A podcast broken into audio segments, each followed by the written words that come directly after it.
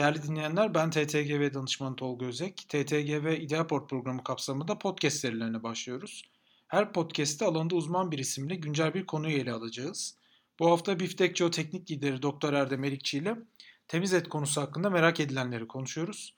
Yayın ile ilgili görüş ve önerilerinizi bize her zaman iletebilirsiniz. Bu arada yakın zaman içerisinde yine İdeaport programı kapsamında Twitter sohbetlerine başlıyoruz. Temiz et ve diğer farklı deep tech konularını sizinle canlı olarak tartışacağız. Çok beğeneceğinizi umduğumuz Twitter sohbetleri için İdeaport sosyal medya hesaplarımızı takipte kalın. Hoş geldiniz Erdem Bey.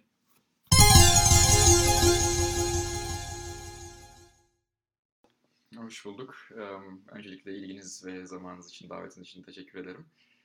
Bu, bu, bu fikri anlatmak için güzel bir fırsat olduğunu düşünüyorum bunu. Açıkçası ilk ilk um, bu podcast'i benimle yaptığınız için de ayrıca bir um, ayrıcalıklı hissediyorum kendimi. Çok teşekkür ederiz. Biz de çok heyecanlıyız. Podcast'in giderek ilgi gören bir e, içerik üretme metodu olması Deep Tech konularıyla ilgilendiğimiz için vakıf olarak ve program olarak da bizim de öncelik alanlarımızda yer aldı. Peki hemen girelim konuya. E, temiz et dediğimizde e, clean meat olarak tabii İngilizce'de daha çok geçiyor kullanılıyor. Ne anlamalıyız? Bitki bazlı nedir? Hücre bazlı nedir? Hı hı. Bu soruların cevaplarını biz sizden öğrenmek istiyoruz. İsterseniz önce ben bir biraz ekibimden bahsedeyim. Hani Tabii um, ki. Bu alanda kimler çalışıyor, um, ne gibi ne gibi arka planlar lazım onlardan um, bahsedeyim. Ben Erdem İrikçi, moleküler biyoloğum. Doktoramı yaptıktan sonra um, döndüm. Ondan sonra iklimko ve tarla.io diye girişimlerimizden sonra biftek.co diye bir girişime um, um, başladık, yeni başladık. Geçen yılın ortalarıydı bu fikri ilk ortaya attığımız ve ekibi kurduğumuz um, zamanlar.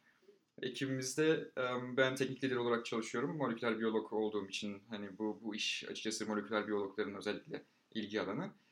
Onun dışında Profesör Kamil Can Akçalı benim hocamdır. Bilkent Üniversitesi'nden bana biyoloji derslerini veren kişidir. O da teknik lider. Biz bu işin te- işte araştırma tarafı, ARGE tarafını beraber yürütüyoruz. Kendisi Ankara Üniversitesi'nde biyofizik bölümünde öğretim üyesi. Aynı zamanda Ankara Üniversitesi Kök Hücre Enstitüsü'nde de müdür yardımcılığı yapıyor. Onunla, onunla beraber bir gün oturduk, konuştuk ve açıkçası bu işin hani çok gelecek vaat ettiğini ve Türkiye'de de yapılması gerektiğini düşündük. Daha sonra ekibimize benim abim olan Kerem Erikçi'yi dahil ettik. O iş geliştirmecidir, işin finansal kısmı ile ilgileniyor. Ve Melih Akçalı, o da işin finansal kısmı ile ilgileniyor. Bir, bir de um, halkla ilişkiler tarafı ile ilgilenen bir, e, bir ekip e, üyemiz daha var. Çalışmalarımızı Ankara Üniversitesi'nin Kök Hücre Enstitüsü'nde yapıyoruz. Onun dışında um, firmamız da Ankara, Ankara Üniversitesi'nin Teknokent'inde um, yer alıyor. Um, beş kişilik bir ekibiz ve hani yaklaşık hani bir yıldan daha kısa bir süredir bu iş üzerine biraz hani odaklanmış durumdayız. Şimdi temiz et nedir diye sordunuz. Temiz et aslında um, alternatif bir et tadı veren, gerçek ete benzeyen ya da gerçek etin kendisidir. Ama lab ya laboratuvarda üretilmiş um, durumda olmalı ya da bitkisel tabanlı olmalı. Yani hayvandan tamamen bağımsız, hiçbir şekilde hayvanın acı çekmesine, çekmesine neden olmayan, hayvanın herhangi bir um, cana da kastetmeyen et üretim metodudur diyebiliriz aslında temiz ete. İki, iki, ikiye ayırabiliyoruz temiz eti. Bir bitki tabanlı bir de hücre tabanlı. Bitki tabanlı dediğimiz şey aslında yeni değil. Um, hani bu vegan, vejetaryen pazara yönelik olan, şu an aslında marketlerde de gör, gö, görebildiğimiz bu vegan ürünler var. İşte vegan köfte, tofu gibi ürünler bitki tabanlı temiz et olarak adlandırılabiliyor. Yani yediğiniz zaman et tadında ama hayvandan bağımsız olarak üretilmiş. Bitkilerin karışımıyla böyle bir şekilde o hani o etin o tatminini yaşatan ürünler bunlar. Hücre tabanlı olan şey ise yeni bir yepyeni bir konsept. Yepyeni bir kavram. Laboratuvarda normalde um, hayvanın vücudunda her ne oluyorsa onu um, onu taklit ederek işte eti yani bugün günümüzde kasaptan aldığımız o etin ihtiva ettiği her şeyi üretmek şeklinde tanımlanabilir. Yani et dediğimiz şey kas ve yağ dokusundan oluşuyor daha çok. Kas ve yağ dokusunu belli oranlarda üretebilir ve karıştırabilirseniz o, o zaman hayvandan bağımsız olarak hayvanın aldığınız bir örnekle o zaman bit, hücre tabanlı temiz eti üretmiş oluyorsunuz. Neden bu işin ismi yani bu etin um, ismine temiz deniyor? Çünkü öncelikle um, hayvancılığın neden olduğu sera gazı işte bu küresel ısınmaya neden olan o sera gazı salımlarını büyük ölçüde azaltıyor. su kullanımını azaltıyor, arazi kullanımını azaltıyor ve hayvan kullanımına dair etik problemleri de çözüyor aslında baktığımız zaman. Yani tamamen kökünden çözüyor. Um, onun dışında konvansiyonel yani geleneksel e, üretim metotlarının um, risklerini de bertaraf ediyor. Bu riskler nedir? Örneğin kontaminasyon yani bulaşıcı hastalıkları hastalıklardan tamamen ari bir üretim yöntemine sahip olduğu için işte şarbondur, ondan sonra E. coli bulaşmasıdır bu tür şeylerden tamamen bağımsız. Onun dışında yani şöyle bir gerçek var. Dünyada üretilen antibiyotiklerin %50'si ortalama olarak Amerika'da mesela üretilen antibiyotiklerin %80 hayvancılıkta kullanılıyor. Bunun sebebi şu. Hayvanlar ahırlara, kümeslere yani o üretildikleri yerlere sıkış tepiş şey yaptıkları için hani yerleştirdikleri için. için onların birbirlerine hastalık geçirme olasılığı çok fazla. Hastalık olduğu anda onun tedavisi çok daha masraflı olacağından ilk baştan hiç hastalık daha ortada yokken koruyucu önlem olarak antibiyotik verirler. O antibiyotikler tabii onların bünyesinde bir şekilde kalıyor. Ondan sonra bizim bünyemizi de onların hani et aracılığıyla geçiyor. Yani çok ciddi bir risk var. E, antibiyotiğe dirençli bulaşıcı hastalıklar diye bir risk var. Eğer o hastalıklar ortaya çıkar ve yayılmaya başlarsa o zaman elimizde var olan o antibiyotikler bu bulaşıcı hastalıkların tedavisi için işe yaramaz hale gelir. Ve bu antibiyotiklerin bilinçsiz, gereksiz ve yersiz kullanımından dolayı ortaya çıkan bir şey. Yani bu işte birçok antibiyotiğe dirençli hastalıkların var olması, evrilmesi. E, mesela böyle bir risk de var. Yani antibiyotikten bağımsız, antibiyotiksiz et üretimine mesela bu temiz etin üretim yöntemleriyle e, mümkündür. O yüzden hani temizleniyor. Birçok açıdan temiz. Etik açıdan, ondan sonra atık açısından ve kullanılan ilaçlar açısından. O yüzden temiz etleniyor ve bence hani verilebilecek en güzel isimlerden biri. Peki birçok teknolojinin bir çıkış hikayesi vardır, bir olay vardır, bir vaka vardır. Burada bunu nasıl adlandırabiliriz? Temiz ette bir hı hı. E, tarihte geçebilecek bir vaka, olay e, olarak niye adlandırabiliriz? Evet. Ya da bunun mucidi fikir babası diyelim. Hı hı. Yani isterseniz ben um, ilk antik Yunan'dan başlayayım. Hani bu işin bu işin Biraz daha felsefeye gidiyoruz herhalde. Evet. Biraz daha hani bu hayvan kullanımı konusunun felsefesinden bahsedeyim ondan sonra um, ilk bu teknoloji mesela nasıl ortaya atıldı, bu fikir nasıl ortaya atıldı ondan ondan gireyim. Yani Pisagor'u hepimiz biliriz. Pisagor, Pisagor'un ortaya sunduğu teoremler mesela işte Pisagor geometrisi vesaire hani Pisagor'un fikirleridir. Ama Pisagor aynı zamanda milattan önce 570-495 yılları arasında yaşamış bir filozof hayvanların kullanımı üzerine de fikir atmış ortaya. Pisagor şuna inanıyor. Ruhların canlılar arasındaki transferine inanıyor. Mesela bir insan öldükten sonra onun ruhunun bir hayvana geçtiğine inanıyor. Bu yüzden um, hayvanların kullanımına dair bir çekicisi var. Hayvanları kullanmamalıyız, yani onları öldürmemeliyiz diyor. Çünkü hani muhtemelen yaşamış bir atamızın ruhu onlardır da diyor. Yani bu yüzden kendisi vejetaryen mesela. Ondan sonra um, Pisagor işte Aristo, Aristo'nun ve um, Platon'un okullarını fikren etkilemiştir. Aristo'nun ve Platon'un okulları da hani günümüz felsefesini çokça etkilemiştir. Aristo der ki mesela insan için, insan rasyonel bir hayvandır der. Ve eleştirmek için söylemiyorum ama yani o zamanın koşulları için değerlen, koşullarında değerlendirmek lazım. Aristo köleliği destekleyen bir insan. Der ki köleler bilinç açısından, düşünme kabiliyeti açısından e, hükmeden insanlara göre daha alçaktadır der. Bu yüzden mesela kölelik meşrudur der. E, hani Aristo'nun bu anlayışını ele alın. Hani işte köleleri bile anlayış açısından, bilinç açısından daha aşağı görüyorken hayvan kullanımı açısından hayvanların da köleleştirmesi ve belli amaçlar için kullanılmasına hiçbir şekilde karşı çıkmayacağını düşünebilirsiniz. Zaten Aristo da der ki bitkiler hayvanlar içindir, hayvanlar da insanlar içindir. Yani insan merkezci bir anlayışı var. Dolayısıyla hayvanları her türlü kullanmak, onları yemek, onları avlamak ve onları işte herhangi bir sebep için kullanmak hiçbir şekilde bir, bir, bir kaygıya neden olmamalı. Bir etik bir probleme neden olmamalıdır. Bu mesela Antik Yunan'ın düşüncesi. Daha sonra Hristiyanlık ortaya çıktıktan sonra işte Roma medeniyetine mesela etkilemeye başlıyor onun anlayışı. İşte Roma'da bu kolezyumlarda hani insanlar birbirleriyle savaştırılıyor. Ondan sonra daha da böyle belki işi vahşileştirmek ve ilgi çekmek için daha sonra hayvanlar da işin içine katılıyor. Ama insan Hristiyanlığın sonradan gel, gelmesinden sonra insanların birbirle kavga ettirilmesi ve onların birbirini öldürmesi kabul edilir bir şey halinde halinden çıkıyor. Um, kabul edilemez oluyor ve daha sonra ama hayvanlara dair olan um, bu eğilim hiçbir şekilde değişmiyor.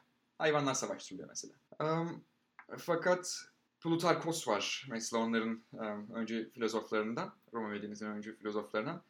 O ilk defa ruh göçü gibi böyle inançlardan bağımsız olarak sadece iyilik temelinde hayvanların kullanımına karşı çıkan ilk insandır. Plutarkos'un mesela daha sonra anlayışının tekrarlanması için 16'dan 16 yüzyıl geçmesi gerekiyor. Yani uzun bir süre hiçbir şekilde şey bu bu anlayış tekrarlanmıyor. Daha sonra işte Aquinalı Thomas var. O da Aristo'nun felsefesini alıp işin içine Tanrı inancını mesela birleştirmiş bir, bir insan. Der ki hayvanlar bilinç dışı varlıklardır. Dolayısıyla onların kullanımına dair herhangi bir bir, bir kaygı olamaz. Ondan sonra neyse Orta, Orta Çağ'dan sonra Rönesans geliyor. Rönesans ile hani biraz daha aydınlanma, hümanizm um, etkin olduktan sonra belki hayvanların kullanımına dair işte bir iyileşme beklersiniz ama bu gerçekleşmiyor. Mesela Leonardo da Vinci diğer yandan e, vejetaryandır. Leonardo da Vinci'nin vejetaryen olmasıyla dalga geçilir. Um, Leonardo da Vinci gerçekten o gününün bir şeyi, delisi belki. Hani o icatlarına falan bakarsanız çok uç bir adam vejetaryen olması açısından da çok uç. O zamanki anlayış um, için çok uç. Diğer yandan Bruno var. Bruno mesela Kopernikçi astronomiden etkilenip der ki insan yok gibidir. Yani bütün evrenin içinde sadece küçük bir noktadır ve çok da önemsizdir der. Bu yüzden yakılır adam mesela Bruno. Um, bu yüzden yakılmış bir insandır 1600 yılında. Sonra Montaigne var. Montaigne de insanlığı haddini bilmezlikle suçlar. Der ki kendini um, bir ilah gibi görüyor. Kendini beğenmişlikten dolayı Tanrı ile eş görüyor ve bu yüzden bütün ilahi özellikleri kendine atfediyorlar. Um, ve diğer varlıklardan kendisini ayırır um, ve hani kendini çok başka bir yerdeymiş gibi görür. Hani şimdi bakın yani felsefe hayvan kullanımı ve hayvanlara olan bakış açısıyla ilgili sürekli dibe varıyoruz değil mi? İnsanlık durmadan dibe gidiyor. En dip Descartes'la mesela ortaya çıkmıştır. Descartes'in ünlü bir, ünlü bir lafı var. Diyor ki düşünüyorum öyleyse var. Mesela bu çok böyle hani güzel bir düşünce olarak görünüyor değil mi? Hani düşünelim, varlığımız buna bağlıdır. Ama aslında bu lafın biraz daha başı var. Orada diyor ki Descartes mekanist bir felsefeyi savunuyor, benimsiyor. İşte e, diyor ki her varlığın mekanik ilkeleri vardır, buna buna tabidir. Fakat insanın mekanik ilkelere tabi olması ona göre pek hoş olmuyor. Yani nahoş bir fikir olarak geliyor ona. Bundan kurtulmak için, bu nahoş fikirden kurtulmak için ruh kavramını ortaya atıyor. Diyor ki insanın ruhu vardır ve bilinç ruha bağlı bir şeydir. Eğer ruh varsa bilinç vardır, bilinç varsa ruh vardır. O yüzden düşünüyorum öyleyse varım der. Ama ruh sadece insana hastır, hayvanlarda yoktur. Öyleyse ruh, bili, hayvanların bilinci yoktur. Dolayısıyla hayvanın varlığının herhangi bir önemi yoktur der Descartes.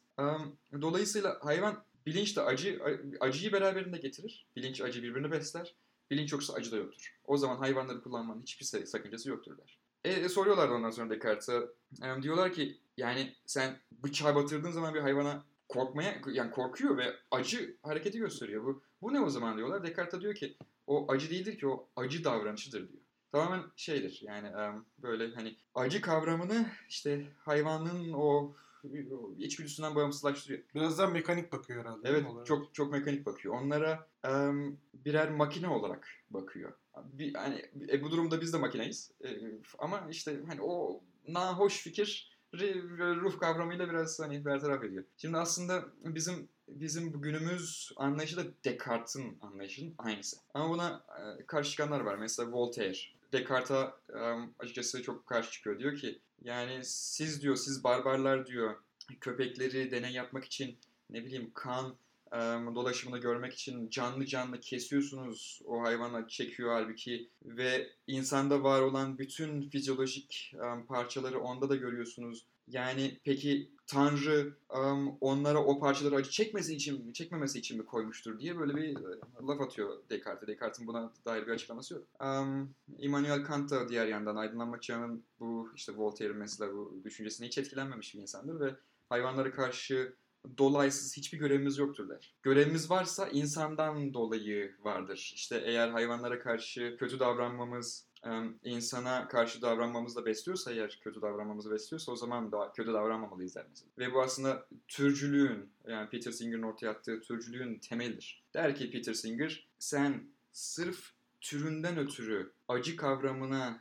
acı verme meselesini meşrulaştırmaya çalışıyorsan o zaman türcüsündür der. Ve türcülük insanlar arasındaki mesela böyle hani ayrımcılar, ırkçılık diyorsak türcülük de türcüler arasındaki ırkçılıktır mesela. Am, şimdi bu temiz etin hani ilk hani ortaya çıkması, bu fikrin ortaya çıkması nereden geliyor derken işte bu türcülük kavramının artık biraz daha benimsenmesinden ortaya çıkıyor. Deniyor ki ya hayvan kullanımının hiçbir şekilde etik olmadığı düşünülüyor günümüzde bir kesim tarafından. Çünkü acı kavramının yani bizim neredeyse bizim kadar beyne sahip olan, bizim kadar bilinci ortaya çıkarabilen beyne sahip olan hayvanların kesilmesi, acı içinde doğup beslenip büyütülüp ondan sonra bir sıra iç- içinde mezbahalarda katledilmesinin meşrulaştırılıcı hiçbir yanı yoktur diyen taraf var. Ve artık gıda tedarik zincirinden bu canlıları koparıp almamız gerekiyor diyenler var. Nasıl yapacağız peki? E o zaman teknoloji kullanacağız. Teknoloji var mı? Var. Yani ben moleküler biyoloğum ve hani hücreleri kontrol etmeyi az çok biliyorum mesela. Kök hücreleri özellikle. Bu 2002 yılında şu amaçla ilk defa em, ortaya çıkarılıyor, ispatlanıyor. Uluslararası Uzay İstasyonu'na em, et sağlayabilir miyiz acaba ucuz ve kolay bir yolla? Ya da yarın öbür gün Mars'a gidersek inekleri taşımadan oradaki insanlara et sağlayabilir miyiz? diye bir fikir çıkıyor ve 2002 yılında işte bir grup araştırmacı Japon balığından örnek alarak ondan sonra onların et şey yani kök hücrelerini, kas kök hücrelerini çoğaltarak ondan sonra işte böyle bir, yani bir, bir, bir gıdım et üretiyorlar mesela. Üretilebilir mi e, diyorlar. Pişiriyorlar ama yemiyorlar. Daha sonra 2013 yılında işte Mark Post bu işin öncüleridir. Bir basın em, em, bülteniyle, basın toplantısıyla ürettiği eti yani ineklerden aldığı em, örnekten ürettiği eti ondan sonra em, in- e, gurmelere yediriyor. Ve bu ilk yendiği e, andır mesela 2013 yılında. Şimdi Yüksekte bir rakama galiba. Değil? Evet, Satıyordu evet, öyle evet. bir ü- 300 bin dolara 300 bin mal dolara olmuş. da mal olmuş Bir tane hamburger köftesi gerçekten de. Eee, hani bugün bana 300 bin dolar verseniz üretir, üretebilirim yani. O teknoloji bugün günümüzde mevcut. Hı. O 300 bin dolara bunu üretti. Aldığı yatırımlarla.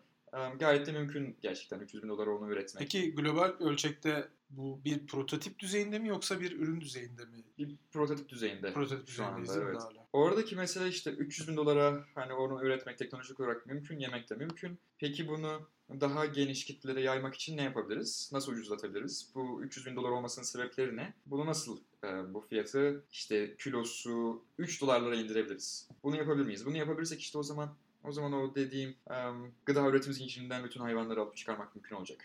Yani oyunun bir kuralı var sonuçta ekonomik meseleler. O, oyunun kuralına göre oynamak lazım. E, oyunun kuralı da işte bunu ucuzlatmak ucuzlatmak mümkün olursa o zaman bunu yapmak mümkün. İşte Biftek.co'nun çalıştığı yer de bu. Ee, hani biz maliyetin bu kadar artmasının sebebi olan şeyleri ucuzlatabilir ve e, maliyeti icabında 30 dolara sonra belki 3 dolara indirebilir miyiz kilosunu üretimini?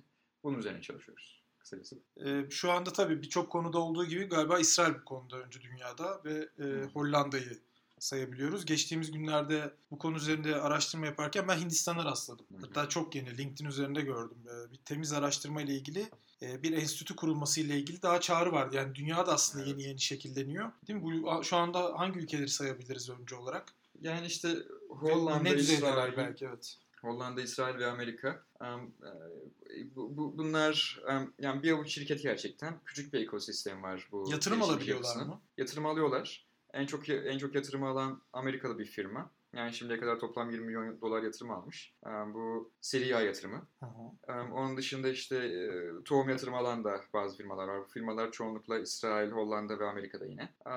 ARGE çalışmaları yapıyorlar. Hı. E, Ve hani kendi laboratuvarlarında ürettikleri em, bir miktar et var evet ama şu an raflara mesela onları koyabilmiş değiller. Bitki tabanlı üretim yapıp onları raflarda sunanlar var. Onların etleri yani temiz etleri, e, ürünleri tüketiliyor. İşte Impossible Burger, Beyond Meat mesela bunların en ünlüleri. Gerçekten mesela alsanız, tatsanız ki benim öyle bir tecrübem oldu. E, Hem tat, hem koku, hem doku, hem de fazla yediğiniz zaman ağır gelmesi açısından gerçekten çok benzer. Hı. E, Ve tatmin ediyor. Örneğin mesela sucuklarını yedim onların. Ve şey, normalde marketten aldığınız sucuğun için, sosun içinde ne olduğunu bilmezsiniz. Ama o sosun içinde biliyorsunuz ki bitkiden başka hiçbir şey yok. Hem gönül rahatlığıyla yiyorsunuz hem de tatmin oluyorsunuz yani o açıdan. Hani şey, o et yediğiniz şeyi veriyor size. Tatmini veriyor. Yani bu tatmine neden ihtiyacımız var? Yani baktığınız zaman etsiz olmaz mı? Yani aslında öyle bir olur ki şimdi Bunun, bunu, bunu ispatlayan isimler var. Örneğin iki tane sporcu sayayım size. Yani bir tanesi Berk, Berk Okyay, diğeri Ünsal Arık. Berk Okyay kendisini ekstrem, yani pardon ultra mesafe bisikletçisi olarak tanımlıyor. Yani e, istatistiklerine baktım. İşte bir platforma kayıtlı. O, o platforma göre o, o kayıtlı olduğu tarihten itibaren um, 50 bin kilometre yapmış. Yani dünyanın çevresi 40 bin kilometredir. Ve vegandır kendisi. Yani hiç et yemeden, protein kaynağını hiç et olarak kullanmadan, tamamen bitkilerle beslenerek, hayvan ürünlerini tamamen hayatından çıkararak böyle bir performans gösterebiliyor. Arık da diğer yandan boksör. Beton gibi adam yani. Hani sonuçta um, kas kuvvetli bir insan. Yani boksörleri bilirsiniz. Yani eti hayatımızdan çıkarmak mümkün. Diğer yandan zaten bu et kavramını biraz fazla gözümüzde büyütüyoruz. Size birkaç tane istatistik vereyim. Şimdi dünyanın %30'u karalardan oluşuyor. Bu karaların %70'i işgal edilebilir. İşgal edilebilir alanlarında %50'si tarıma ayrılıyor. Yani kısacası kara bizim var olabildiğimiz karasal alanların %50'si tarıma ayrılıyor. Bu tarıma ayrılan alanlarında %77'si hayvancılık için kullanılıyor. Hayvancılık için kullanılmak şu, demek şu demek hayvanların yemini üretiyorsunuz ve hayvanların gezindiği alanlar. Ve besleniyor tabii hayvan değil evet. mi? Orada besleniyor. Hayvanları beslemek için kullanılan alanlar. %37'si de şey ormandır mesela. İşte %1'i mesela şehirdir. Neyse. Peki bu hayvanların üretimi için kullanılan alanların ne kadarından biz protein ihtiyacımızı karşılıyoruz? Onu da söyleyeyim size. Sadece yüzde yüzde 37, yüzde 33'ü kadarını. Protein ihtiyacımızın yüzde 33'ünü bütün arazinin yüzde 77'sinden karşılıyoruz. Hmm. Kalori ihtiyacımızın ise um, sadece yüzde 17'sini biz hayvansal ürünlerden karşılıyoruz. Yani um, hayvansal ürünlerini ürünleri biraz gözümüzde büyütüyoruz biz açıkçası. Bunu tamamen hayatımızdan çıkarırsak, bunun yerine konabilecek, bunun yerine alabilecek gıda alternatiflerimiz var bizim. Ama şöyle bir mesele var. İnsanlardan bunu isteyemeyiz. Tamamen hayvansal ürünleri hayatınızdan çıkarın diyemeyiz. Yani deriz de başarılı olabilme imkanımızın ben çok olduğunu düşünmüyorum. Çünkü buzul çağın koşullarına bağlı olarak evrilmiş durumdayız ve o koşullara bağlı olarak evrilince biz et tadını almaya almayı alma ihtiyacı duyuyoruz. Bu açıkçası biraz ilkel bir ihtiyaç ama bu bizde var. Yani buzul çağı da 2,5 milyon yıldan işte 11 milyon yıl öncesine kadar olan bir dönem ve biz onun mirasını yaşıyoruz. İnsanlar eti isteyecek, insanlar yoğurdu, yumurtayı isteyecek mutlaka. Onu alternatif olarak sunmanız lazım. Et yeme denebilir. Bir kısım insan bunu yapıyor. İnanılmaz saygı duyuyorum onlara. Yani işte bahsettiğim insanlar, e, isimler Berk Okyay'dır, Ünsal Arık'tır ve daha binlercesi bunu yapıyor. Ama bunu um, hani milyarlara yayma, yaymak için o et tadını bir şekilde onlara, e, insanlara vermemiz lazım. O yüzden bu temiz et girişimleri e, gelecek vaat ediyor açıkçası bence. Peki e, bu süreçte temiz et teknolojileri ve sonuçta çıkacak ürünü de tabii dikkate alırsak prototipten ürüne geçen süreçte hangi teknolojileri yani mesela örnek olarak sağlık teknolojilerini, ambalajlama paket sistemleri, iklimlendirme sistemleri gibi hangi alanları etkileyebilir? Mesela daha küçük buzdolabı, buzdolapları görebilir miyiz? Hı. Bir soru aklıma geliyor. Hı hı. E, hayatımızdaki başka şeyleri nasıl etkileyebilir? Görünen ve belki de ilk adımda görünen ve belki görünmeyen teknolojileri. E, ya, şimdi dediğim gibi bu temiz eti üretmek için teknoloji zaten var. Sadece çok pahalı. Yani bu teknoloji aslında doku teknolojisidir. E, sonuçta bir organınız um, um, hasar gördüğü zaman onu yenilemek üzere kök hücreler kullanılıyor bugün. Zaten bu temiz etin temelinde de kök hücre teknolojisi var. Yani sizin kaslarınız yıprandığı zaman ya da bir, bir yeriniz yara olduğu zaman orayı tamir eden hücreleriniz orada hazır bekleyen kök hücreler. Bizim yaptığımız o kök hücreleri alıp laboratuvar ortamında kas hücresine dönüşmesini sağlamak ve birçok kendini kopyalayarak dönüşmesini sağlamak. O doku, doku teknolojisinin bilgisinden yararlanıyoruz biz. Ama ürettiğimiz bilgiyi de aynı şekilde doku teknolojisi de mutlaka doku teknolojisi de faydalanacaktır. Yani birbirini besleyen alanlar bunlar. Doku teknolojisinden faydalanmak demek örneğin kalp krizi sonrası hasar gören kalp dokusunun yenilenmesinden bahsediyorum mesela. Ya da işte yanan bir bölgenizi tedavi etmekten bahsediyorum. Onun dışında çok ileride belki bundan 10 e, yıl ya da 20 yıl sonra her köyde hatta belki her evde kendi kendine et üreten böyle um, kuluçka makineleri, işte günümüzde mesela et üreten, şey et diyorum pardon, um, ekmek üreten makineler var ya, Hı-hı. fritöze benzer. Onun gibi makineler belki evlerimize, köylerimize, mahallelerimize girecek. Onların teknolojilerinin üretilmesi. Belki de bu durumdaki olacak. lojistikte farklılıklar olacak herhalde Tabii, değil mi? Başka evet. bir lojistik unsuru devreye girecek. Mutlaka. Ee, belki de göreceğiz şu anda. Evet. Bunu öngören belki bir adım öne geçiyor olacak. Evet. Yani hayvancılık sektörü dönüşecek. Sonuçta hani e, ne bileyim bugün günümüzde hayvan üreten insanlar işsiz mi kalacak? Hayır hiçbir şekilde kalmayacak. Yani dönüşecek bu, evrilecek, başka başka hale dönecek. Yani işte onların lojistiğini, onların o hücrelerin üretimini sağlayan ortamı üreten insanlar, ne bileyim o fabrikalarda çalışan insanlar ve o kontrolleri yapan insanlar.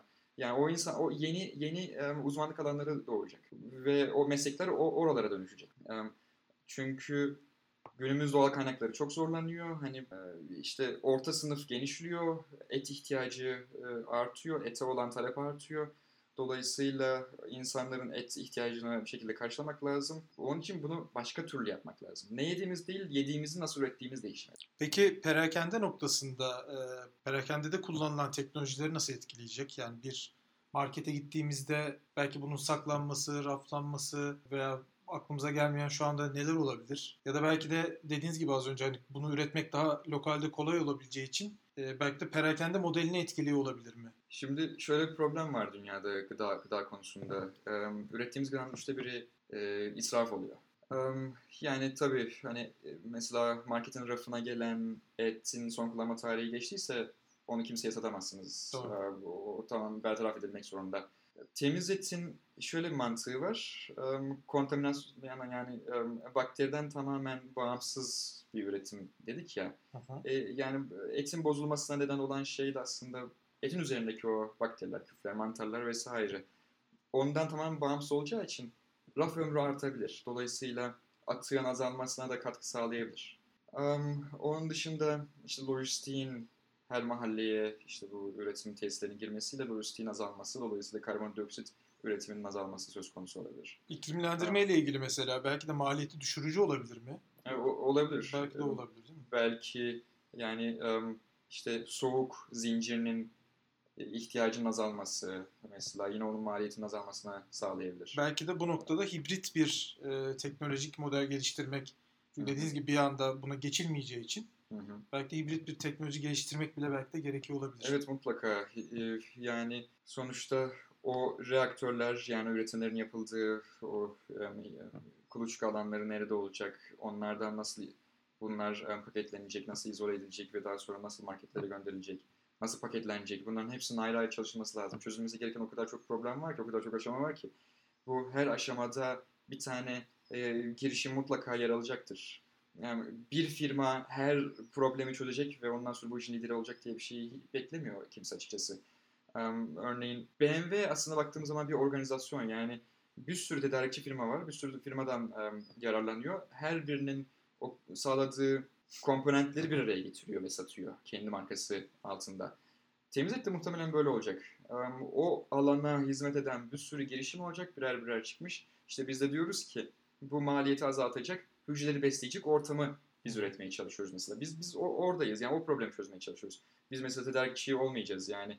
Em, üretici belki belki sonraki adım olacak. Şimdi düşünmüyoruz yani. Em, her problemi çözecek bir girişim çıkacak ve o girişimler hibrit bir teknoloji ortaya koyacak. Peki e, genelde yaşanan sorun bu e, özellikle startuplarla ilgili. E, tabii bu konu şu anda ARGE aşamasında olan bir konu. E, bu ürüne varana kadar şu anki dünyadaki startuplar da sadece bir ARGE sürecinde mi yoksa aslında başka bir öğrenme sürecinin sonundan buraya geçme durumundalar? Hı hı. Bitki tabanlı üretim yapanlar ürünlerini çoktan e, raflara koydu. Yani onlar e, uzun zamandır zaten var. Sadece biraz daha işli yani tatlarını, dokularını geliştirerek bunu yaptılar. Ama hücre tabanlı em, üretim yapmaya çalışanlar ARGE kısmında. Onlar bir em, em, üretim yöntemi geliştirmeye çalışıyorlar. Çünkü dediğim gibi maliyetler çok yüksek olduğu için şu anda onu indirmenin yöntemini bulduktan sonra em, bu sefer işte diğer o problemleri çözerek raflara gel- gelmeye çalışacaklar. Onun dışında tabii direnç de görecek. Yani geleneksel hayvan hayvancılık direnç gösteriyor şu an mesela işte bu işin çokça konuşulduğu Amerika'da acaba buna et diyebilir miyiz? E, tartışmaları şu an gündemde. Yani geleneksel et üreticileri bir yandan yatırım yaparken diğer yandan pazar paylarını kaybetmek istemiyor. Pazar paylarını korumak için de bu et değildir bunu et raflarından kaldırın da diyorlar. Orada bir savaş veriliyor ve bu savaşın açıkçası dünyanın her yerine yayılmasını dört gözle bekliyorum. Bunu bu, bu, bu, bu savaşı veriyor olmak açıkçası öncelikle teknolojiyi geliştirmiş olduğunuzu gösterir ve bunun bir geleceğinin olduğunu da gösterir. Bu savaşı vermek için açıkçası can atıyor. O yüzden bu aşamaya geldikten sonra gerisi de bence tereyağından kıl şeker, şeker gibi gelecektir. Peki e, yani aslında belki de halkın soracağı, vatandaşın da soracağı bir soru. Temiz et kesinlikle sağlıklı olur herhalde Hı. diyebiliyoruz değil mi? Yani hani o merak her zaman olacak bir konu olacak herhalde. Yani rafta görse bile insanlar herhalde Hı. bu sağlıklı mı e, diyecekler. Hı. E, bu, bu konuda nasıl rahatlatabiliriz? İşte laboratuvarla ilgili bir şey söyleyince yani bağlayınca ikisi arasında bir bağlantı kurunca hep böyle yapay mı plastik mi bu gibi böyle bir intiba oluşuyor ama aslında biz diyoruz ki hayvanın vücudunda her ne oluyorsa biz onu taklit ediyoruz. Ee, hayvanlara bugün makine olarak bakıyorsak eğer sadece et ve süt ve yumurta üretme makineleri biz diyoruz ki hayvanların bilincini üreten ve um, o hayvanlarda yatırım yaptığımız enerji israf eden her komponent devre dışı bırakalım ve bunu çok daha verimli hale getirelim. Onu da işte makinelerin içinde yapalım diyoruz. Tek dediğimiz bu. Aslında yaptığımız şeyin hayvanların yaptığından çok bir şey yani çok farklılık göstereceğini düşünmüyoruz. Laboratuvarda olmak zorunda bu tabii ki. Yani hani sonuçta temiz olmak zorunda ve belli bir teknoloji kullanacaksınız. E yani plastik değil bu. Böyle hani e, ne bileyim taşı toprağa karıştırarak bir şey yaptığımız bir şey değil. Yani hücrelerin kendi kendine çoğalması sonucu ortaya çıkan bir şey. İşin içinde antibiyotik olmayacak, işin içinde bakteri olmayacak, hastalık olmayacak, şarbon olmayacak. Um, her şey kontrollenebilir ortam, kontrol edilebilir ve denetlenebilir ortamlarda olacak. Dolayısıyla biz diyoruz ki hem besleyicilik açısından hem içerik açısından hem yapı açısından aynı olacağından dolayı en az günümüz eti kadar sağlıklı olacaktır. Hatta biraz iddialı konuşuruz daha da sağlıklı olabilir. Çünkü çok kontrol edilebilir ve denetlenebilir bir ortam. bu açıdan korkuya yer yok aslında. ama işte dediğimiz gibi hani bu intiba insanlarda bir önyargıya neden oluyor. Ama o intiba çözülecektir. Yani Belki de eğitimle ya da anlatmayla e, bu süreçler hallolur diye e, umuyoruz. E, çünkü heyecan verici bir konu. Evet yani alışkanlıkları kırmak, o anlayışları değiştirmek zor. Yani tek, yeni teknolojiye adapte olmak zor olabildiği gibi böyle erken er, erken yani bunları bekleyen ve denemek için can atan grup bir grup insanlar da var. Yani o grup insanlar diğerlerini zaten peşinden sürüklüyor genelde. Yavaş yavaş yayılacaktır bu. Ama açıkçası pazar çok büyük. Çok da büyük problemleri çöz, çözüyor. çözüyor Akademik araştırmalar ne düzeyde peki? Son olarak onu sorayım. Bu konuda Hı-hı. yeni akademik araştırmalar da devam ediyor mu? Yoksa artık akademik araştırmaları belli bir seviyeye getirdik ve tamamen ARGE noktasında e, tam gaz gidiyor muyuz? E, çok önemli bir soru. Yani günümüz akademik araştırmaları destekleyen fonlar kamusal fonlar. Ve kamusal fonlar daha çok insan sağlığına dair olan akademik e, araştırmaları destekliyor. Yani mesela doku teknolojisi. İşte e, kalp krizi geçirdikten sonra o kriz e, krizden zarar gören bölgeyi mesela e, yenilemek için olan araştırmalar kamu tarafından destekleniyor. E, yani anlaşılabilir bir durum gayet bu. Zaten oradan ortaya çıkan bilgiyle biz o bilgiyi diyoruz ki gıda için kullanalım. Yani hayvanlar için kullanalım vesaire. O, o yüzden bu akademik e, açıdan olan araştırmalar çok ileri boyutta zaten. Günümüz teknolojisi bu et üretimine imkan sağlıyor. Ama bu amaçlayan, bu pencereden hani bunu yiyelim artık. Sağlığımız için değil de yemek üzerine um, kullanılalım düşüncesi yeni, fikri yeni. Um, o açıdan kamusal yatırımlarla beraber özel yatırımlar da devrede şu anda. Ve açıkçası biz de um, şu an kamusal um, kaynaklardan faydalanıyoruz. Ama özel yatırımlara da tabii ki açığız her zaman. ihtiyacımız olan şey de bu. Çok teşekkür ediyoruz. Ee, ilk podcastimizde e, gündemde yeni yeni konuşulan, dünyada da aslında belki tabii akademik camian uzun süredir belki konuştu ama biraz daha e, topluma indiğimizde yeni yeni konuşulan bir konuyu ele aldık. Biz çok teşekkür ediyoruz Erdem Berikçi'ye. Ben teşekkür ederim. Yani sabrınız e, ve ilginiz için. Hani bu fırsatı verdiğiniz için açıkçası çok memnunum. Çok teşekkürler. Tekrar Biftek Joy'da başarılar. Takip ediyoruz. Ee, İdeaport Podcast dinleyicileri e, ilk podcastimizde bizimle olduğumuz için çok teşekkür ediyoruz. E, bahsettiğim gibi yakında Twitter sohbetlerimizde de temiz etle birlikte farklı konuları da ele, alıyor, ele alıyor olacağız. E, bizi takipte kalın. Görüş önerilerinizi mutlaka bekliyoruz. Çok teşekkürler.